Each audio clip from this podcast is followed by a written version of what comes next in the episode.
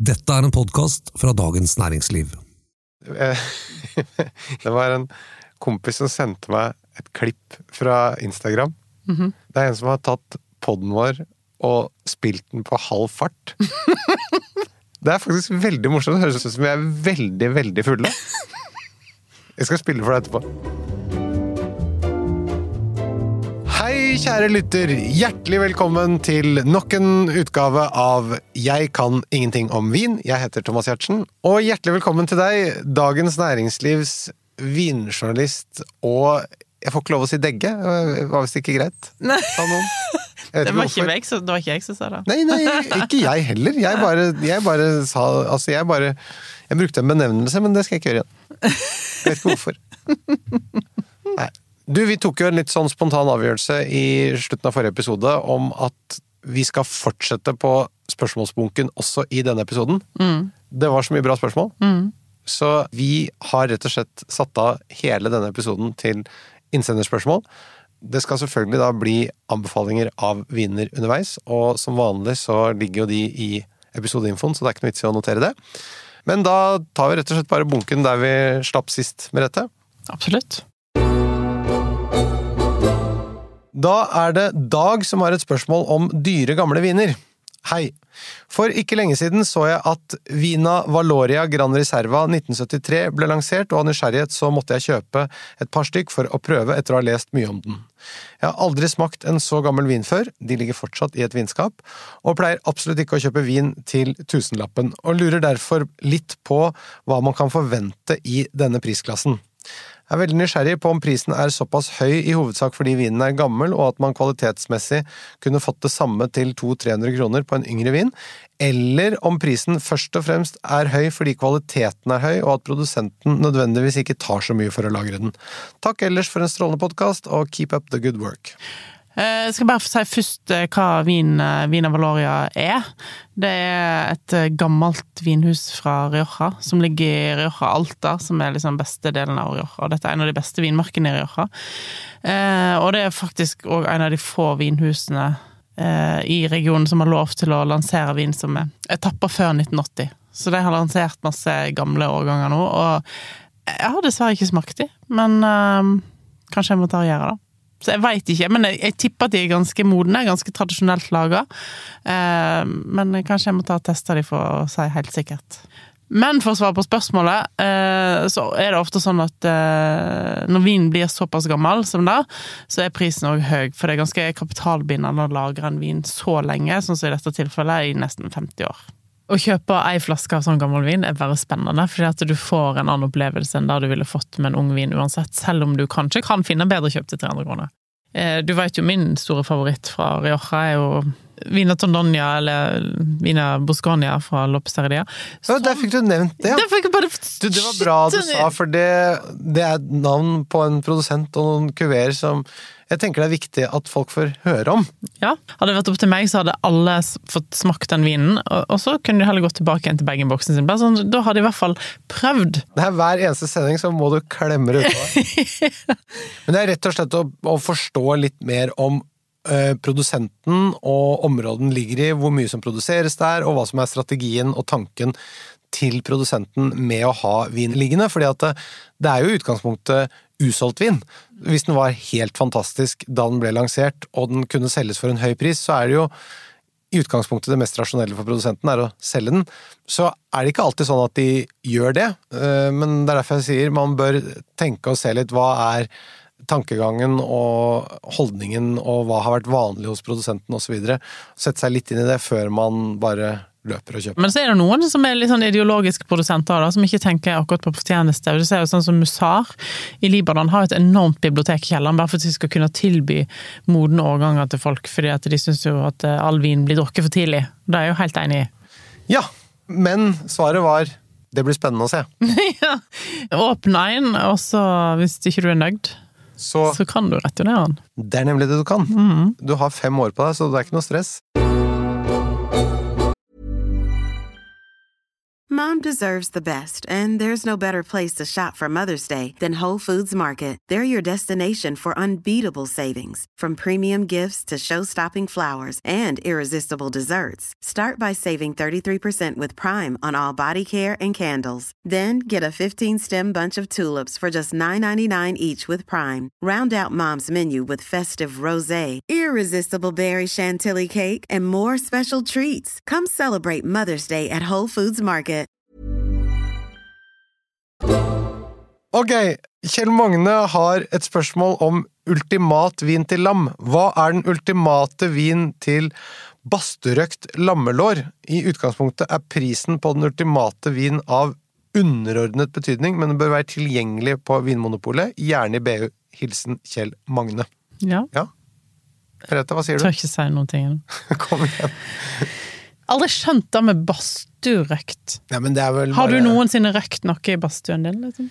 Jeg har røyka mye i badstuen, men I ungdommen, herregud. Man røykte jo ting i badstuen. Altså, hvis vi tar oss den friheten og ser bort fra hvor dette lammelåret er røkt, men vi, vi, vi legger inn at det er røkt, hva anbefaler du? Eh, Da ville jeg hatt en rødvin med litt sånn sødmefull frukt. Eh, ikke så mye tanniner, for den, ofte så blir tanniner sånn røkt, og litt sånn salta kjøtt blir litt ueffent. Så, Så, fruktig og litt sødmefyll. ja. Kanskje nye verden, liksom. Um, eh, en har testa nett en vin her om dagen som overraska meg veldig, og det var en vin fra Adelaide Hills i Australia.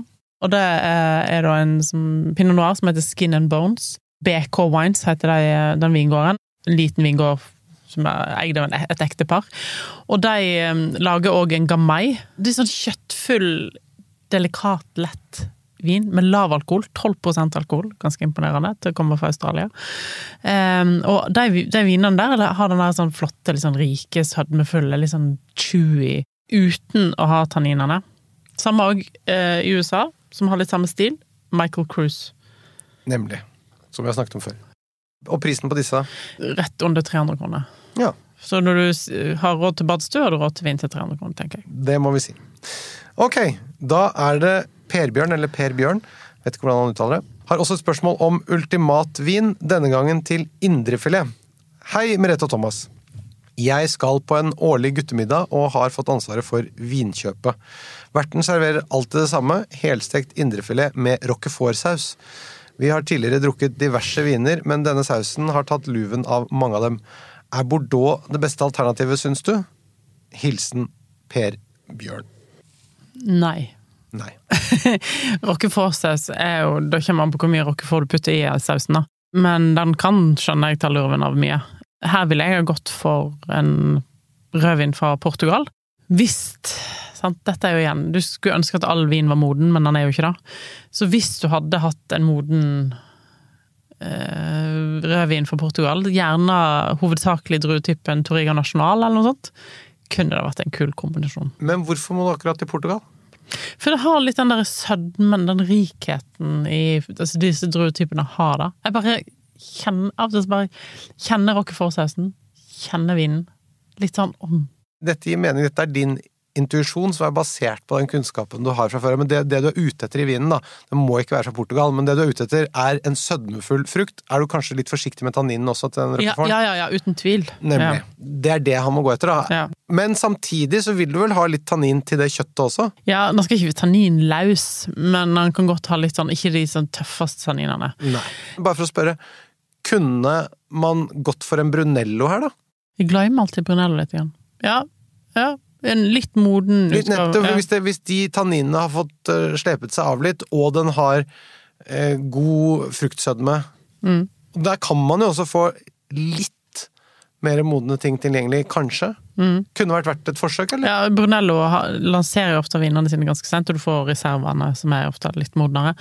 Eh, Et annet alternativ òg, som vi har snakket om flere ganger, og det er um, Brooksellers sin Winestar, Sinfandel. Sinfandel, med lav alkohol. Ja. Som har mindre tannin, sannsynligvis, enn en Brunello. Ja. Eh, som er liksom modnere i karakteren fordi den er litt sånn naturvinaktig, uten å være naturvin. Men, eh, og hvis jeg skal nevne en rødvin som jeg tenker hadde fungert veldig godt til Den er ganske kraftig, men samtidig eh, fra Portugal, da. så er jeg veldig glad i Niport sine rødviner. Så Batuta, for eksempel. En litt sånn moden Batuta. Batuta var artig navn. Det er kjempeartig. Deilig å si. Altså, Batuta. Åh, I dag skal jeg kose meg. Jeg skal rocke får og batuta. Ja, Batuta. De tåler ekstremt mye tid. og Han, hadde en, eller han har en vin, toppvinen hans, som heter Robustos. Robustos og batuta. Ja, og? Som- Og sjarm. som er den eh, litt lette varianten. De ville jeg ha prøvd. Hva med Amarone? Alkoholen for meg ville krasje litt. Ja, med hva da? Melkeproteinene i osten. Men du drikker jo portvin og, og stilten. Det er jo en klassiker. Der er det jo Ja, skyhøy alkohol. Åh, faen, det var altfor godt argument. Nei, jeg vet ikke. Jeg tenker Du prøver bare alltid å sno deg unna Amaronen. Men, men vår jobb er jo å prøve å få Amaronen inn i dansen. Den skal ikke ut av storleken hele tiden. Vi må få Amaronen ut på dansegulvet. Vi skal alle Skal viner, Det må være et slags overordnet eh, holdning her. Alle viner har sin plass på dansegulvet. Don't put Amaron in the corner. Nemlig. Så her bare gir jeg deg en lissepasning, og hva gjør du? Du dytter den rett tilbake i skammekroken. Ja. Jeg tenkte ikke på Amarone. Nei, jeg bare, jeg bare lufter Jeg har, forslaget. altså, person, altså, dette er jo litt sånn Når du skal gi vinanbefalinger, så sitter du og tenker sånn Jeg tenker jo alltid sånn Åh, da smaker sånn. Dette vil jeg ha drukket til. Altså, det er veldig sånn Nesten litt sånn en blanding mellom tankevirksomhet og noe fysisk. Ja. Men så Og da blir det litt sånn hva du hadde foretrukket å drukke sjøl, personlig. Og det er jo aldri Amarone. For å si det sånn, er det 100 umulig at du hadde likt det hvis du hadde kommet på besøk til meg og jeg hadde sagt du, i dag skal vi ha helstekt indrefilet med roquefort-saus, og vet du hva jeg skal servere til? Du skal få smake en veldig god, sødmefull Amarone. Jeg skal huske på å alltid ta med vin på besøk til deg. Ja, men du, i teorien da, kunne dette Det kunne, funka? kunne funka, ja. Ok, Per Bjørn, her har du noen tanker og Meretes definitive konklusjon.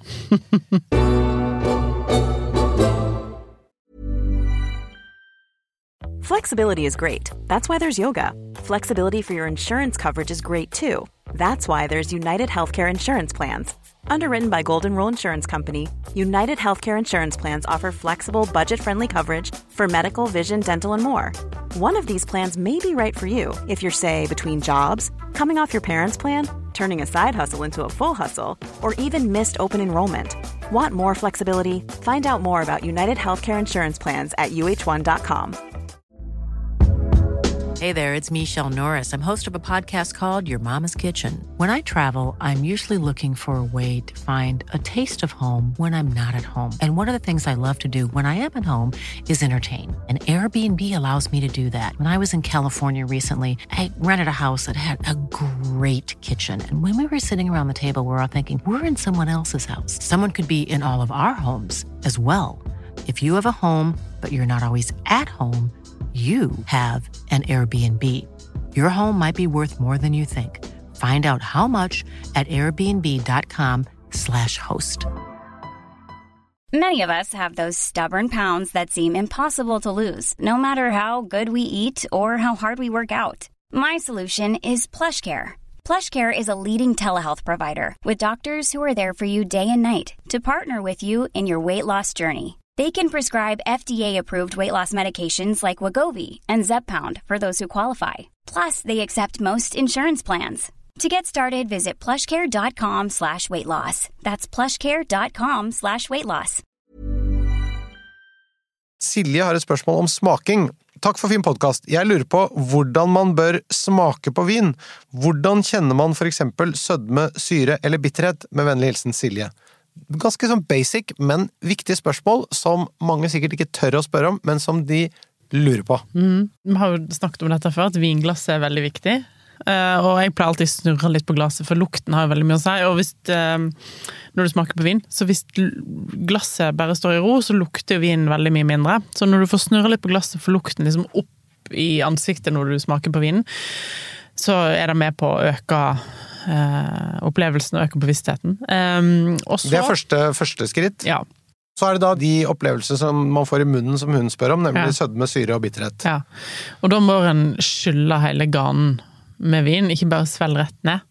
Alle smaksløkene sitter på tunga, så når du har svelget ned, så er det liksom for seint. En av de tingene som eh, skjer, er jo at hvis det er mye syre, så skjer det noe etterpå. Ja, for da kommer jo spyttproduksjonen, når en eh, får syre bak på disse kjertlene. Ja, så da kiler det litt sånn baki ved kjevepartiet. kjevepartiet, og så får man økt spyttproduksjon. Det er tegn på mye syre. Da vekkes jo òg appetitten, ikke minst. Det er også litt av grunnen til at man serverer f.eks. champagne som aperitiff, er jo nettopp fordi den har mye syre, for å vekke appetitten til middagen som skal komme. Absolutt. Når ting snerper litt og er litt sånn ja, så, så kjenner du disse smakene. Jeg er litt sånn dårlig på å forklare, for jeg gjør dette sånn Det er litt som Hvordan lærer du å sykle? Jo, men, men la oss bare ta Når du sier snerpe litt, så er det dette litt sånn uttørrende på tungen. Det er tanniner, og det er bitterstoffer. Og så er det jo da sødme. Det kjenner vi jo, det er kanskje det letteste å identifisere.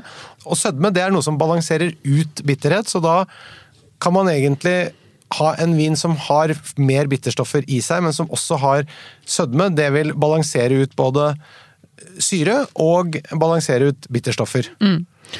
Det er jo sånn hvis en lager en saus og blir litt bitter, så litt sukker oppi det, så kan det ordne seg. Nettopp. Altså sødme, det kjenner vi jo alle godt igjen. Det er liksom noe alle liker. Men bitterstoffer, det er, det, det er ofte tanninene og tørrstoffene. Og syren, det er det som eh, skaper Som kiler i, i kjevene, og som gir økt spyttproduksjon. Er ikke det sånn vi kan konkludere? Stemmer. En en øvelse som jeg syns er morsom, som vi gjorde en av de første eh, dagene på vinkelnerstudiet, det var rett og slett at vi skulle holde for nesen, og så skulle vi ta en teskje med sukker og kanel i munnen. Eh, og da kjenner du veldig lite av den kanelen i munnen, fordi det er aromaer som du egentlig smaker med nesen. Eh, mens da sødmen, den smaker du hele tiden. Så grunnsmakene, de får du i munnen, og så er det eh, disse aromaene, de kommer på toppen, og de kommer opp bakveien inn i nesen. Ja. Ok, Silje, der har du litt å fokusere bevisstheten din på. Så er det Pål fra Skien som har et spørsmål om kobebiff. Kobebiff det kommer da fra wagyu-rasen, og kommer opprinnelig fra Japan, er det ikke det? Jo, eh, men i Kobe, som er da på en måte et område sånn som champagne, eh, eller burgund, eh, så har det en egen eh, eh, hva skal jeg si, avart, eller egen gren av eh, wagyu som heter tajima, som bare fins der. Så den blodlinjen, da, fins bare i Kobe. Og så har de, mener jo de i Kobe da at det har noe med vann og terroir og fôr og, og selvfølgelig den, det genmaterialet de har der, som gjør at Kobe blir bedre. Så, så det er den samme tenkemåten rundt dette som, som vin og opprinnelsessted. Mm. Jeg har faktisk vært der.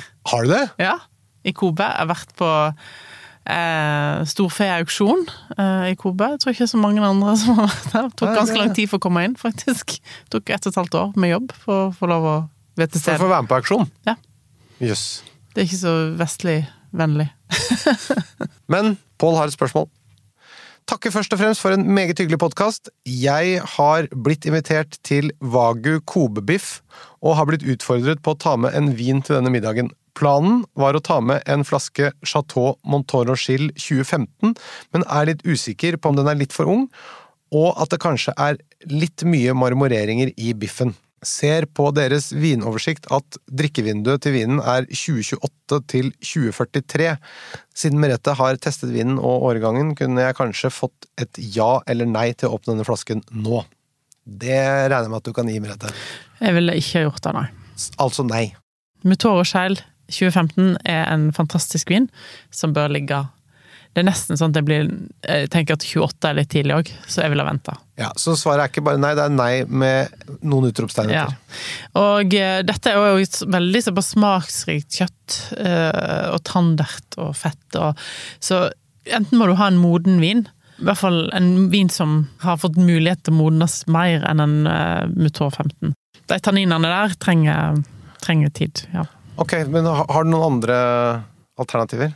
Jeg, Kunne det eksempel her, bare for å tenke helt ut av den boksen som du vanligvis tenker i, kunne vi eksempel tenkt en 2008 spansk Rioja, en litt sånn frisk Rioja-produsent som La oss si, hvis det fins noen feil. Altså, jo, uten tvil.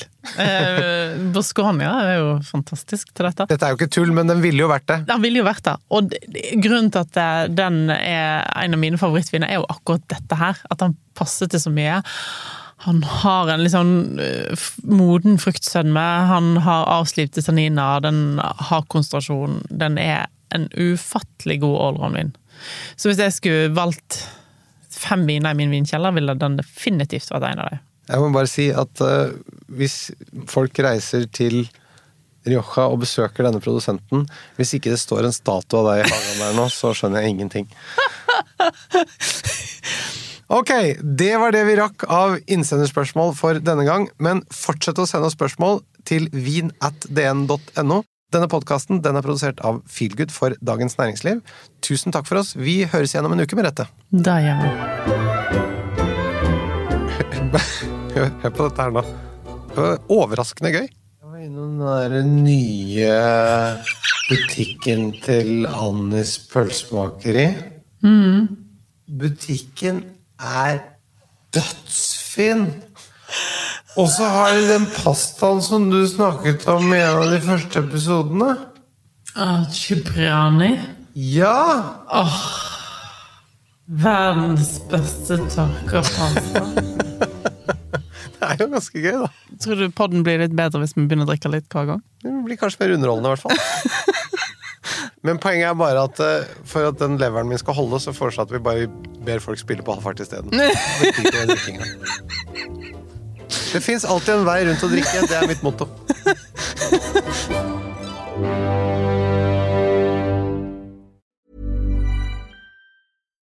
Deserves the best, and there's no better place to shop for Mother's Day than Whole Foods Market. They're your destination for unbeatable savings, from premium gifts to show-stopping flowers and irresistible desserts. Start by saving 33% with Prime on all body care and candles. Then get a 15-stem bunch of tulips for just $9.99 each with Prime. Round out Mom's menu with festive rosé, irresistible berry chantilly cake, and more special treats. Come celebrate Mother's Day at Whole Foods Market. Hey, it's Danny Pellegrino from Everything Iconic. Ready to upgrade your style game without blowing your budget? Check out Quince. They've got all the good stuff shirts and polos, activewear, and fine leather goods, all at 50 to 80% less than other high end brands. And the best part? They're all about safe, ethical, and responsible manufacturing. Get that luxury vibe without the luxury price tag. Hit up quince.com slash upgrade for free shipping and 365 day returns on your next order. That's quince.com slash upgrade. Mom deserves the best, and there's no better place to shop for Mother's Day than Whole Foods Market. They're your destination for unbeatable savings, from premium gifts to show-stopping flowers and irresistible desserts. Start by saving 33% with Prime on all body care and candles. Then get a 15-stem bunch of tulips for just $9.99 each with Prime. Round out Mom's menu with festive rosé, irresistible berry chantilly cake, and more special treats. Come celebrate Mother's Day at Whole Foods Market. Du har nå hørt en podkast fra Dagens Næringsliv.